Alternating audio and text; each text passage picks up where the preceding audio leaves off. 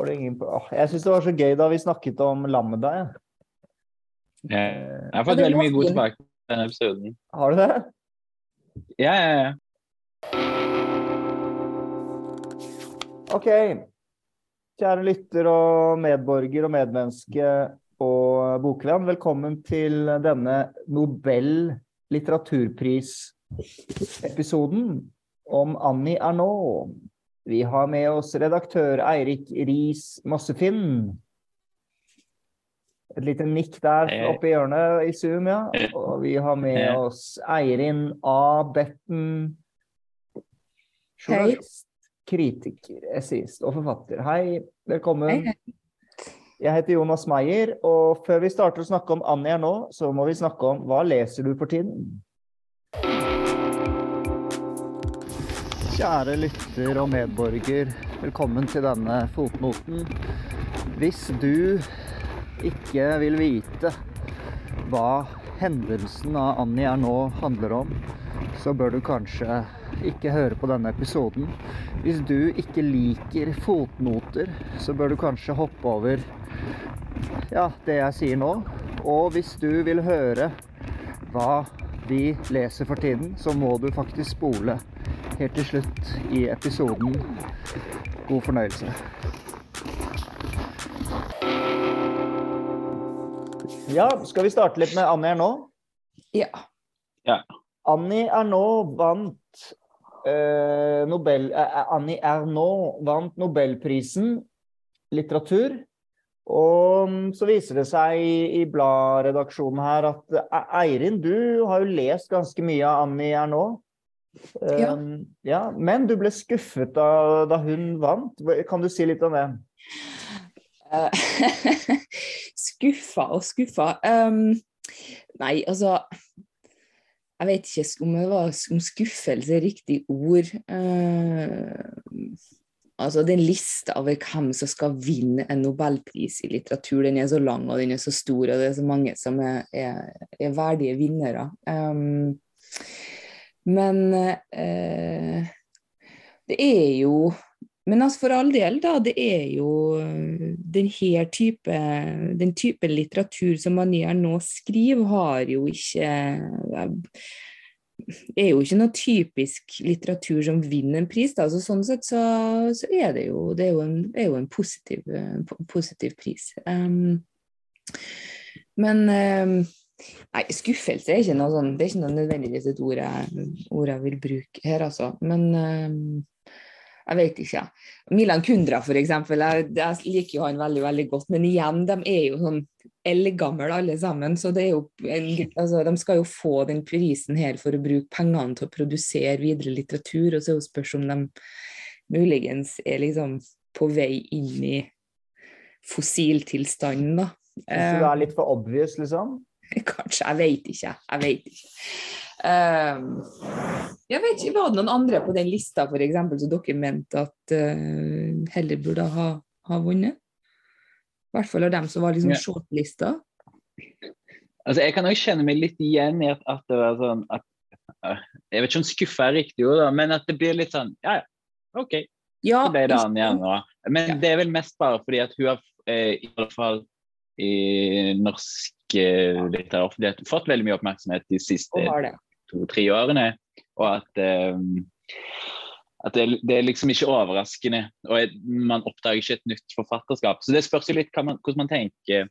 Hva er Nobelprisens funksjon, da? Skal det liksom være en, eh, premiering av lang og tro tjeneste i litteraturens um, verden, eller skal det være noe som Å ja, what? denne forfatteren har jeg aldri hørt om. Eh, Sånn som Louise Gluck, da. Da hun vant, så var det jo som var veldig få i Norge som hadde noe sterkt forhold til, til henne. da. Men siden har hun ja, blitt eh, en som har blitt oversatt, liksom, og, og lest på norsk. Så mm, ja.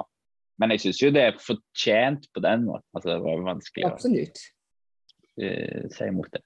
Det blir jo ofte sånn at vinneren eh, Jeg leser som regel én bok av vinneren. I hvert fall. Men Mm. jeg skal innrømme at jeg har ennå ikke lest en av Abdul Razak Gurna som vant i fjor. Det gleder jeg meg til. Å Mm. lese en av han, men der har jeg, hengt, der har jeg liksom falt litt bak. Har dere fitt- fått lest noe av han? Nei. Bare innrømme. det inni Ok, da, har vi, da må vi ta oss sammen. Eh, Men Anja, nå annen En episode om det. Ja, altså, da kan vi ta en Nobel-episode om, om Gurna. Det hadde vært kult. Jeg er for opptatt, opptatt med Thomas Mann Trolldomsfjellet. Det syns jeg vi skal gjøre, faktisk. Men, eh, men jeg hadde lest litt Anja nå i forkant. Så sånn sett så lå jeg liksom litt eh, Jeg visste, kjente litt til henne. Og som dere sier, hun har jo hatt litt oppsving i Norge eh, de siste årene. Eh, Men du har lest flere av bøkene hennes, Eirin. Mm. Hva er det som trekker deg mot forfatterskapet hennes? Oi uh, Sier litt mye sånn uh, i starten av setningene. Nei, um, det må være Jeg liker måten det flyter på. Hvis du leser årene, f.eks. Nå skal sies at jeg har lest dem, jeg har lest mesteparten på engelsk. Jeg har lest et par av bøkene på norsk og alt annet på engelsk fordi jeg foretrekker fransk oversatt til engelsk bedre enn fransk oversatt til norsk. På samme måte at tysk er bedre når det oversettes til norsk enn eventuelt på engelsk. Det er et eller annet med har noe med setningsstruktur og like de ord å gjøre, altså flyten i språket. Og altså årene, eksempel, så du leser den boka, og den er vel en Skal vi se ja, Den er vel på over 200, rundt 200 sider, 250, en plass mellom 200 og 250 sider. Og eh, en veldig, veldig innholdsrik bok, men du kan lese den veldig mange ganger før du i hele tatt greier i hvert fall jeg da, få liksom fatt på kjernen, fordi at språket i seg sjøl er òg en, en komponent i, i konstruksjonen av den romanen, og det lar deg um, Du lar deg rive litt med, da. Altså det har en viss musikalitet, eller en tonalitet, um, som er veldig fin og behagelig å lese. Så etter det jeg leste den, så plukka jeg opp litt, um, litt flere av bøkene hennes. Uh, hendelsen som vi skal prate litt om i dag, har jeg jo lest på, på engelsk. Men så leste jeg òg den norske Jente 58, blir det vel ikke det den heter? Tror. Sommeren 58? Det er Sommeren 58 den heter, ja. Mm. Uh, og den og hendelsen er jo to bøker som handler om en del av det samme som overlapper. Um, så det er jo Og så er det jo tilgangen til uh, et kvinneliv uh, i perioder hvor det ikke er blitt skrevet, eller altså kanskje litt uh, en del En periode som er underkommunisert. Og det er jo ikke så ofte, det er jo ikke mye litteratur som handler f.eks. om om, om altså abort og skam og eh, frigjøring. Mm. I den forstand som Anja nå skriver, på det, skriver om det på. da. Og Ja. det, har vært, det syns jeg faktisk har vært eh, veldig interessant. Og den der, ins- altså det at hun insisterer på både kroppslig og politisk eh, frigjøring, da, og at eh, selv om det politiske rammeverket er sånn som det er i den tida hun har vokst opp i, så betyr det på en måte ikke at en må um, en må være litt i opposisjon til det, og selv om, selv om det ikke er lett. da. Og det har vært veldig, veldig interessant å skrive. Det, um, det er jo mye amerikansk og mye britisk feminisme, og selvfølgelig den franske feminismen er jo veldig tung, tung teoretisk feminisme. Så det her er en helt annen um, inngang inn i temaer som en kan litt om, men som er underkommunisert og lite belyst, da, og så skrevet på en veldig veldig vakker måte. La oss eh, hoppe inn i det. Anja nå, 'Hendelsen' er den vi valgte. Eh, hva syns du om den, Eirik? Hadde du lest noe før av henne, forresten? Jeg leste årene, det var rundt da det liksom ble en, um, boom i Norge. Ja. Det var vel da årene ble oversatt. Så da leste jeg den. Um, 2020, som jeg òg likte godt. Ja, det var vel kanskje 2020. ja. 2019-2020. Ja.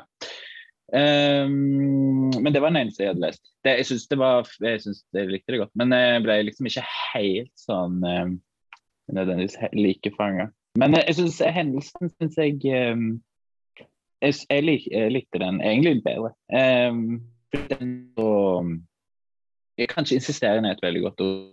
Jeg Så Den er så tydelig et prosjekt da, med denne aborten. at det blir en sånn utrolig Det blir en veldig intens leseopplevelse. Eh, som jeg eh, satte satt veldig pris på. Og, og altså, Gud er lite sentimental til allikevel være veldig eh, sentrert rundt eh, følelsen av mm. dette. Altså, det, det, man får jo ikke engang liksom et inntrykk av at det er et barn som egentlig er på vei til å bli skapt. Da. Det, er akkurat det laget som man kunne tenke seg ville vært til stede, altså den konflikten, er liksom helt utelatt. Det er bare et prosjekt. Jeg må få dette her bort. Ja. Um, og så syns jeg òg det åpningsgrepet med å ha det fra den starte på denne hiv-aids-klinikken og så gå tilbake, så jeg òg veldig vellykka grep. Det er interessant det du sier, at eh, ja, det er ikke et barn her, det er, det er noe som skal bort. Det, som hun kaller det for. Det må bort. Mm. Det var en scene rett før um, mot, Hun skal jo utføre denne aborten. Uh, og det er jo ulovlig i, på 60-tallet, Frankrike. Så hun må liksom Og hun kan ikke gå til legen og si det rett ut. Det syns jeg er fascinerende. Hun må mm. hinte litt. Hun må håpe at de liksom forstår henne. Og, og de, legene vil jo ikke ha noe med henne å gjøre, fordi de vil jo ikke utsette sin karriere. Um, så de, den ene legen skriver jo bare ut um, um, altså medisin til før og etter en eventuell abort skal utføres. Men så er det da en sånn klok kone som hun klarer å finne fram til. men så er det en scene rett før hvor hun drar i en kirke og ber til Gud om at det ikke skal gjøre vondt.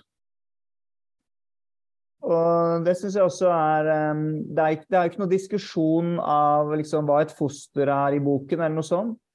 Eh, men allikevel så ligger det jo litt under der, da. Og, og den henvendelsen til Gud knyttet til den eventuelle smerte Og det viser seg at det, det, det, er jo fryktelig vondt, da, det hun skal igjennom. Så den, eh, den bønnen fungerte kanskje ikke. Åpenbart. det, er, det, er jo ikke så rart, det. det. Hva har Gud med det å gjøre? Det er ja, ja, mitt poeng var um, ikke sant? I, i det, De som uh, i dag da, er imot selvbestemt abort, det er jo uh, religiøst argumentert ja. som regel, fordi livet blir til eh, fra og med unnfangelsen. Mm. Slik, og det er det jeg syns var interessant, at hun går i en kirke og ber til Gud, men da samtidig har en helt annet standpunkt til fosteret. Sånn at henvendelsen til Gud er eh, Den er der, men ikke den samme religiøse Nei, Den samme oppfattelsen av hva et foster er, da. Nei, men det er jo fordi at hun, hun, ber jo ikke til eller om eller noe som omhandler fosteret. Hun eneste hun ber om, er at som du sier, altså, det skal ikke gjøre ondt når altså Hun ber om fraværet av smerte under noe hun vet hun utsetter kroppen sin for, som vil være veldig komplisert fordi at hun lever i en tid og i et land hvor den medisinske eh, behandlinga av det her faktisk eh, er ulovlig. Så hun vet at for eneste måten å få gjort det her på, vil være ulovlig, og det vil være skummelt. Det vet en jo. Så derfor så ber hun fraværet av smerte, eller fraværet av den ultimate smerte, det at hun i det minste greier å finne fram til noen som kan hjelpe, hjelpe henne på best mulig måte, selv om, selv om inngrepet um, er ulovlig. Det er vel det hun ber om. Det er ganske opprivende, syns jeg. Mm. For det er ganske sånn lavmælt, dempet. Men så er det jo selve eh, Altså abortsekvensen er ganske Det er en ganske ekstrem erfaring. Eh, hvor det handler om å, altså en venninne som må klippe navlestrengen, og det er en store mengder blod. Og hun, eh, hun, må jo på sykehus, hvis jeg husker riktig. Hun må på sykehuset etterpå, men hun eh, fosteret kommer jo ut når hun er på studenthjemmet. Så dere filmen forresten, som gikk på kino for et par måneder siden? Eh, nei. Nei, Den er verdt å se på. Den er veldig tett opp mot boka veldig veldig tett opp mot boka. Og den, akkurat den fosterscenen her er jo um, veldig grafisk. Um, ja. ja. På, ja.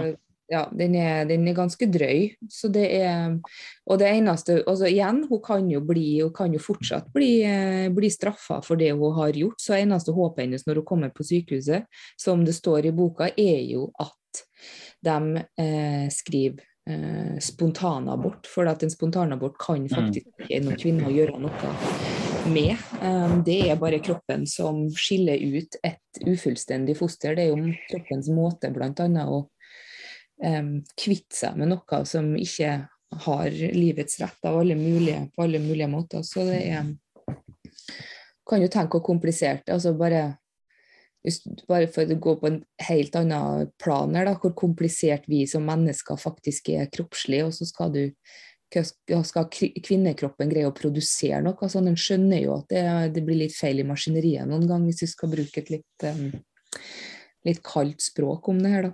Og da vil jo kroppen avvise det en gang iblant. Um, mm. Men det var spontanaborten, det var jo ikke det hun gjennomgikk. Hun hadde jo en Det var jo et, et inngrep. Uh, ja, jeg, jeg, satt og leste det. Jeg satt på Kaffebrenneriet og leste det. Og denne, det er jo helt absurd. Mm. Med liksom eh, omgivelsene. Og så er det så grotesk og tett på. Jeg vet, uh, virkelig, virkelig ubehag, da. Ja. Um, ja, nei, jeg satt og, satt og leste Jeg satt og egentlig abortsekvens på kaffebrenneri. Det er, liksom, det er jo veldig pent og pyntelig. Så var det så, så er beskrivelsen av denne aborten så grotesk og, og, og konkret. at Den er veldig materiell og fysisk. Det veier sånn utrolig, utrolig diskrepans mellom hvor jeg var og eh, hva som skjedde i boken. Ja. Mm. Det skapte et ja, ubehag. Jeg var faktisk på kaffebrenneri jeg òg da jeg leste den scenen. Det, de fleste er det, virker det sånn. Var ja. Det er en bok som jeg syns altså For det første er den veldig kort. Eh, under 100 sider i den norske oversettelsen. Og så er den litt sånn Jeg syns den er litt formfullendt i den forstand at den er Som du var inne på, Eirik. Altså det er et tydelig prosjekt, og det er en fortelling med et høydepunkt og en avrunding. Og så syns jeg at det er interessant at det er jo eh, Vi har jo hatt en så enorm lang eh, debatt om virkelighetslitteratur i Norge. Mens her er det liksom Det er ikke noe særlig å si her om skillet mellom forteller og forfatter og sånn. Det er liksom Ja, det er Annie Ernaux sine egne erfaringer.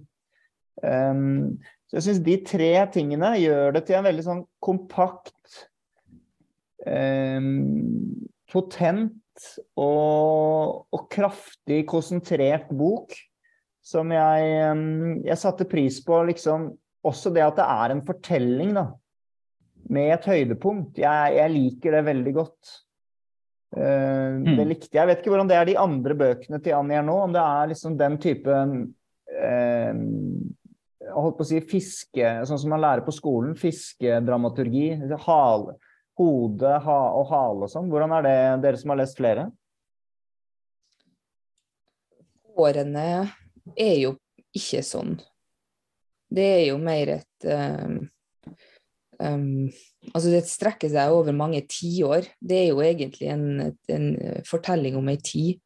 Det er egentlig sånn jeg leser hendelsen, og jeg leser den nødvendigvis ikke altså Du sier jo, altså du har, kan jo selvfølgelig eh, tilegne den en ganske klassisk dramaturgi, men eh, jeg innrømmer at jeg leste uh, hendelsen mer som et tidsvitne og egentlig et politisk uh, et, et, veldig, veldig poli, tungt politisk tekst. Uh, som, og en, en, slags advarsel om en tid som aldri må få lov til å gjenta seg. Og når vi sitter og leser den boka, om det er på engelsk eller norsk, eh, så vet vi òg at de, det er en konservativ høyesterett i USA som nå har eh, Eh, innskrenka abortrettigheten til veldig veldig mange kvinner i, i USA.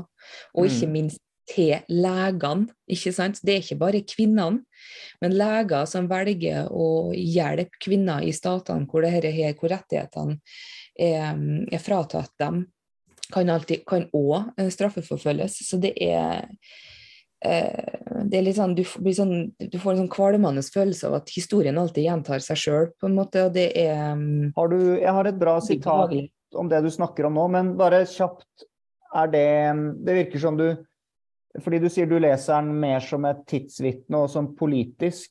Og det Mm. er jo uten tvil helt enig med deg men eh, kan man ikke lese det som begge deler? Selv om det er en fortelling, kan det ikke Jo. også være Ja? Jo, for all del. Ja. For all del, men um, Jeg har en jeg, interessant vet ikke, jeg vet ikke om den kan leses som en bok som bare er en fortelling som du bare skal legge fra deg og tenke ja, ja, ok, sånn var det på 60-tallet i Frankrike. Det at, at det vir, For meg, da, hvis vi skal analysere altså, Det virker som om intensjonen her Det, det er flere intensjoner. Um, hun ønsker å fortelle historie. Hun sk- ønsker å fortelle historie om, um, ja, om kvinners, eh, kvinners problemer på en tid hvor de ikke hadde de rettighetene de burde ha hatt. Men så er det òg et, et, føles, Det føles ut som en tekst som er skrevet av ei som ønsker å tydeliggjøre den historien her, altså. Og, Ja. Jeg har, jeg har å altså det, det skal her, her, det kan ikke, det må Uansett hva som skjer, så må ikke det her kunne gjenta seg, men allikevel Ja. sitter her og så gjør det det. Jeg har lyst til å sitere, lese litt fra boken. um, Ja. Dette er litt sånn tidlig i boken, hvor hun Nå, nå bare spoiler vi helt skamløst. Jeg syns det er greit. uh, Ja. Uh, Hun prøver jo først med en strikkepinne.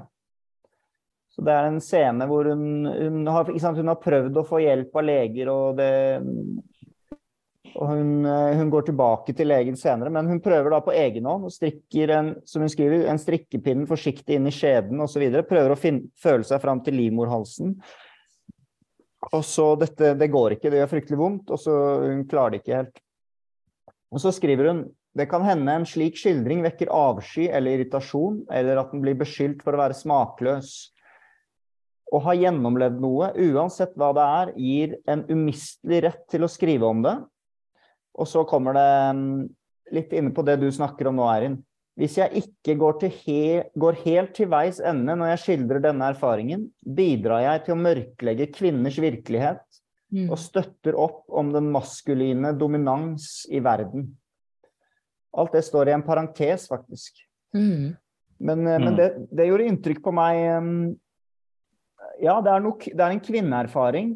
Ja, hun legger føringer, hun legger, altså hvordan boka skal lese på akkurat der, egentlig. Så det er, det er en kvinneerfaring, ja.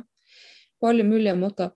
Um, og det er Jeg vil anta at uh, om en stund så vil vi se, i hvert fall fra USA, så vil vi nok se en, en uh, nye typer skildringer av, denne, av det her problemet. Um, at det er altså mye litteratur i USA de siste tiårene har jo vært dypt politisk, og det, nå er kvinnekroppen blitt enda mer politisk igjen.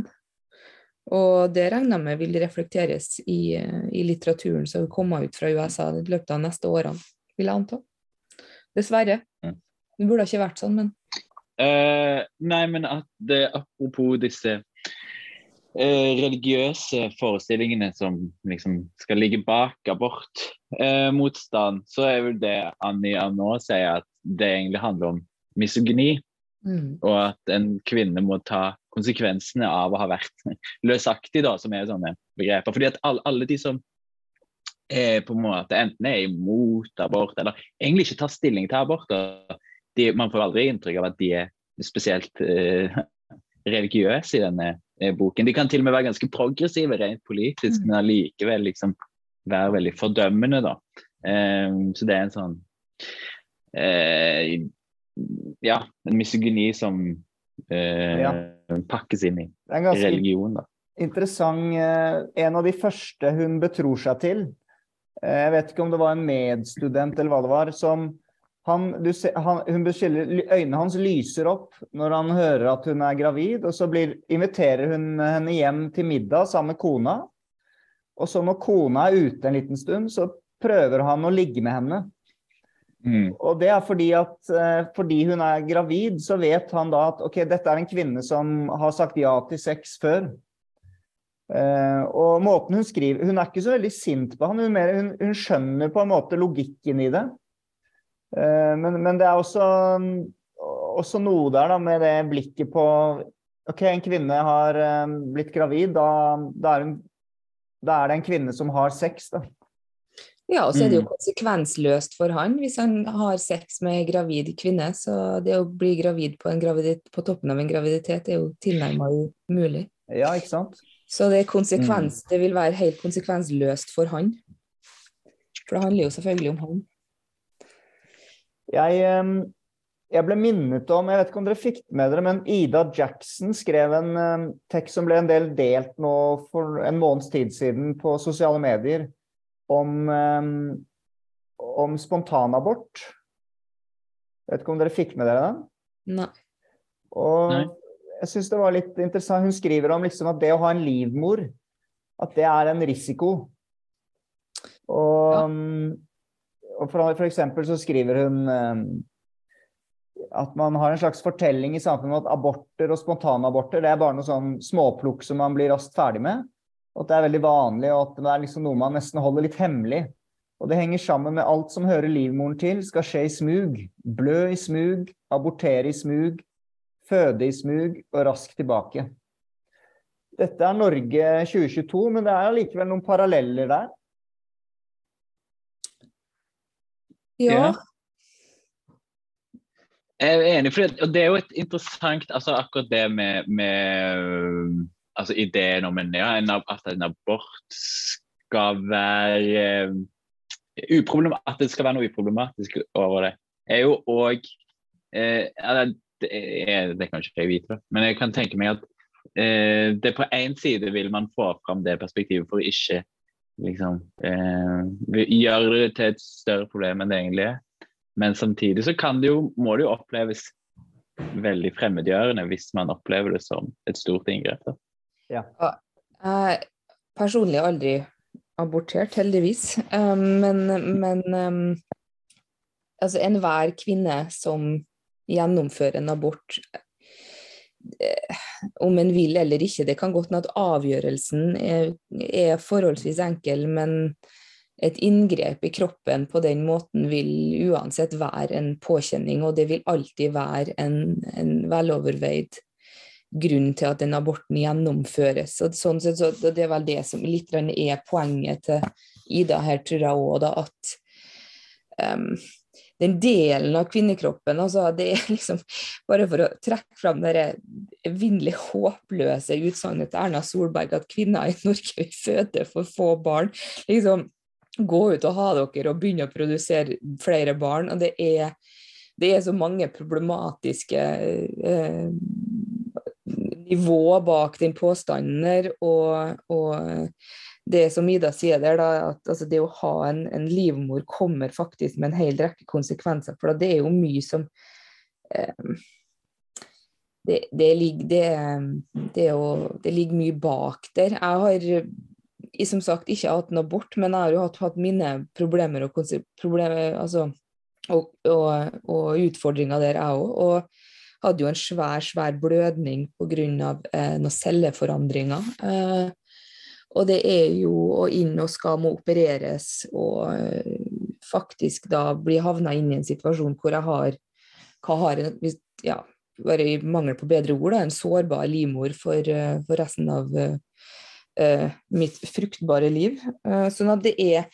det er dette her er politikk, da. Kvinnekroppen. Du kommer ikke bort ifra det faktum at kvinnekroppen er politikk. Og det er jo derfor som jeg vil anta Ida sin kommentar òg er et stikk til, eller koble seg på, og det er eh, eh fødselsklinikker, ABC-klinikken på Ullevål, jordmødre, eh, nedleggelse av fødeavdelingene rundt omkring i landet, sentralisering av helsetilbudene, hvor eh, det nå skal bygges Hvor var det hen? Sto i Klassekampen, tror jeg, i et par dager siden, hvor det skal bygges en klinikk hvor kvinn, fødende kvinner altså Du skal være ute av sykehuset på under et døgn, tror jeg, etter en fødsel. Fordi at det koster. Altså fødende kvinner er kostbare kvinner. Og det er um, um. Nei, det er, her, vi kunne ha snakka veldig lenge om det her. Det er, vi kan begynne å havne inn i en likestillingsdebatt, f.eks. For fordi at fødsler gjør at du går inn i lengre permisjoner. Jeg syns, um, jeg syns nettopp det er Det er noe av det jeg syns er veldig interessant med denne type litteratur. Ikke denne type litteratur, men det er en litteratur som åpner verden og f.eks. vise meg er, altså Det er noe det litteraturen gjør. da, Den, den gir oss tilgang til erfaringer vi ikke selv kan Mm. gjøre oss. Um, og jeg, jeg har sett i det siste sant, så har det vært en del bøker det har, Vi har hatt denne barselbølgen, mm, som noen har kalt det. da. Kanskje det er litt nedlatende, men, men bøker om uh, å få barn, være gravid osv. Og f.eks. Olga Ravn hadde en uh, arbeidet mitt. Og der, sant, der kommer hovedpersonen fram til en sånn innsikt at oi, jeg, jeg, kvinner og menn er ikke like. Det er noe annet å være den som var gravid og fødte. Det er noe annet å være den som skal amme. Mens mannen liksom, i det forholdet i den boken insisterte på en sånn likestillingsidé, som også kvinnen hadde holdt seg med kanskje før eh, graviditeten. Men, men den utrolig kroppslige forskjellen peker på en sånn eh, ulikhet som man kanskje ikke er helt forberedt på, virker det som på meg, i, i um, moderne velferdssamfunn hvor likestillingstanken, i hvert fall på overflaten, mm. er veldig sånn tydelig. Ja, vi skal være like uh, i alle mulige situasjoner, men, men fødsel er jo noe ganske annet da, enn det en, en kropp uten livmor kan erfare, f.eks.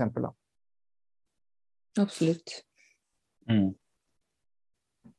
Men jeg er helt enig i det, for eh, det du sier om at ja, det her kan det vise, ja, særlig sikkert for oss to, da, Jonas, eh, en, en erfaring som på en måte sånn, den vil vi aldri kunne ha tilgang på på noen annen måte enn via f.eks. litteraturen. Og det tenker jeg også, eh, Derfor tror jeg det er viktig da, at virkelighetskontrakten er så eksplisitt. Ja. Så da kan man ikke eh, legge det fra seg og si ja, ja, men det var jo bare en bok. Det var bare en roman. Ja, det var en roman, men det var òg virkelighet. Så jeg Mm. kan ikke etterpå på en måte eh, ja, bare sagt at nå har jeg lest en fortelling. Ja, nei, det, det jeg tror tilbake til det jeg nevnte i sted, at det, det, jeg tror faktisk det er intensjonen bak den romanen her. altså Det, som du, det er virkelighetskontrakten, som du sier. At det er, det her er ikke en bok som du kan Ja, ja, men det er, det er bare en fortelling, det er bare en abort. La oss legge den tilbake. Det er en politisk intensjon, det er et kampskrift. Det er fantastisk. Det vil noe med den boka her. Ja, et av sitatene på slutten er sånn her. Og det egentlige målet for livet mitt er kanskje bare dette. At kroppen min, følelsene og tankene mine skal bli til skrift. Det, skal, det vil si noe forståelig og allment. At tilværelsen min skal smelte helt sammen med tankene og livet til andre. Altså at hennes erfaringer skal liksom, ja, smelte sammen med livet og tankene til andre mennesker. da. Og da kanskje også utøve en eller annen form for innflytelse eller påvirkning. Mm. Eh, Hun kunne jo latt være å skrive om denne opplevelsen, ikke sant? Det er ingen som Men hun um, virker jo som en forfatter som er ganske, har skrevet mange bøker. Og når hun først liksom kom inn i det, så kom jo, kom jo bøkene på løpende bånd. Hun har holdt på siden 1974. Denne kom ut i år 2000. mm. Jeg vet ikke, driver hun, hun fortsatt produserer, gjør hun det? Hun skrev vel akkurat den boka om den affæren, eller den, det forholdet unnskyld, hun hadde med en yngre mann. Den kom vel ut Ja. Kom, det var, Den kom ja. nå nylig, gjorde den ikke? Så dette er vel en forfatter som virkelig bruker det hun har da, av erfaringer, og, og gjør det til skrift. Mm. Jeg vet at Edouard Louis har vært veldig inspirert av henne. Ja. Mm. Han gjør jo litt av det samme. Ja. Ja, veldig.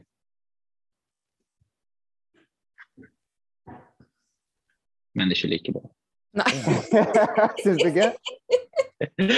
Nei, jeg syns ikke det er like mye eh, litterært løft i, i Louis som det er nå. Ennå, da. Han er jo fortsatt en ung, Hun er fortsatt ung. ung. Ja. Ja. Men eggene her så har det jo vært sånn symposium eller hva det heter, for Edvard Louis på Litteraturhuset i Oslo. ja. Masse kjente forfattere, og det har vært foredrag, og det har vært eh, musikk musikalske innslag og i det hele tatt. Han er norgesvenn. Ja. Mm. OK, men eh, det var eh, spennende å snakke litt om Annie Ernaux. Og eh, for min del så var det Jeg hadde lest hendelsen liksom i forkant før hun vant prisen, men jeg hadde ikke lest ferdig hele. Det er, det er jo helt utrolig flaut. Den er jo så kort. Og så, og så bra, egentlig. Allikevel så ble jeg sånn fragmentert i lesningen. Men da vi nå valgte denne til denne episoden, så fikk jeg jo endelig lest den ferdig. Det er jeg veldig glad for. Jeg syns, jeg syns det er en knallgod bok. Mm. Har dere til slutt Mm. noen gode bøker å anbefale leserne som også er litt sånn korte? Det var det, da. Maks eh, ca. 100 sider. Ikke så veldig mye mer enn 100 sider. Mm. Ja. um, jeg kan vel kanskje trekke fra Ja, 'Morgen og kveld' av Jon Fosse. Ah, Den er vel rundt 100 sider. Eh, apropos eh, den stiller jeg meg bak. eh, nobelpriskandidat. Eh, den, er, den er jo veldig, veldig fin. Et eh, liv som bare fortelles gjennom fødsel og død. Ja, ja. For rundt 80-90 sider. Jeg tenkte um, Det var ca. 100 sider, er ikke? Altså 'Sementhagen' av Ian McEwan. Er ikke den eh, ganske kort? Jeg har aldri lest den, og det tror jeg ikke Eirik har heller. Og den anbefaler jeg veldig. Den er tidlig i Ian McEwan, sånn helt i starten av forfatterskapet hans, der han fortsatt er litt sånn inne i en litt sånn grotesk fase. som, han, på, på, som han virkelig legger av seg uh, senere. Men det er, det er god, god og kort bok. Og så har du jo Jeg må bare se over litt her nå noe jeg har lest i år, men um, William H. Gass, 'On Being Blue'. Fantastisk eh, bok om eh, filosofi og farger og følelser. Ja. Det blå, ja. Er du inne i sånne bøker om farger? Nei eh, Ja og nei. Er det lov å anbefale en bok man ikke har lest selv? Svaret er egentlig nei, det er ikke lov. Hva har du lyst til å anbefale? Hvis du stoler veldig mye på den som har anbefalt den Thomas Mann. Thomas Mann. 'Døden i Venedig'. Ja, men den, har, Ja. den kan jeg anbefale, for jeg har lest den flere ganger. og det tror Ok, jeg da, da, da sier vi at du anbefaler den, og så Ja. Nei, men det er noe herlig med korte bøker. Har du ikke lest Ja, Døden altså, 'Death in Venice'? Jeg har ikke det, men det har lært litt av det siste? Det er en sånn eh, dollarmilliardær som jeg følger på YouTube, som, som sier at det er bedre å lese én bok fem ganger enn fem bøker én gang. Og jeg begynner å, jeg er litt enig. Det er noe med å finne sine bøker og bare lese dem på nytt og på nytt og på nytt. Det er derfor jeg leser Kafka Ja. flere ganger og sånn. um, Men så, det er jo gøy å lese litt nytt òg, men um, man blir Den tanken ville jeg passa meg litt for. Jeg tror det er Du har et eh, Altså du Ja, altså, kan vil lese, si at du, du, du kan lese gans, de bøkene du liker ganske mange ganger i løpet av et år, og fortsatt lese si 20 nye bøker. Og, Absolutt. Ja. Jeg, jeg vil si ja takk, begge deler. da, at det er uh, Også lese nytt og bredt, men også ha noen bøker man kommer tilbake til. Det er eh, Det syns Ja. jeg er viktig. mm, Mm. Uh, vel, vel. Vel, vel. Og før vi starter å snakke om Annie her nå, så må vi snakke om hva leser du for tiden? Så kanskje Eirin vil starte? Ja Um, jeg, jeg, vet, altså jeg vet, vet ikke hvor jeg skal begynne. Jeg har altfor mange bøker som jeg har eh, begynt på, som jeg er midt inni, og lista er sikkert og ja, Den er godt over ti bøker. Jeg har en sånn periode hvor jeg ikke greier å fullføre noe. Men jeg starter på veldig mye. og det er litt sånn, altså nå, um, Men um, jeg har det er ei bok jeg greide å fullføre her for et par dager siden, var uh, Inger Kristensens 'Hemmelighetstilstanden'. Essayene til Inger Kristensen. Og dem um, Det er jo hun skriver, det er på en måte et, eh, Alle tekstene har jo stått på trykk i ulike aviser um, fra før av, så det er jo en samling slik sett. Eh, og hun egentlig mediterer litt rundt um, sitt eget forfatterskap. Skriver bl.a. Om, om mye om natur og om matte, og om bl.a. om alfabet eh, her. Men, men for det meste så handler det jo om mennesket i møte med, eh, med naturen. Um, og um, de tekstene her jo, de kom jo ut lenge altså lenge før klima- og miljøkampen er så betent som den er nå. Så hun var jo på alle mulige måter uh, forut for sin tid. Og, og um, en annen bok jeg også leser nå, er av en uh, uh, skotsk forfatter som heter Nan Shepherd, som ga ut et par bøker i sitt liv.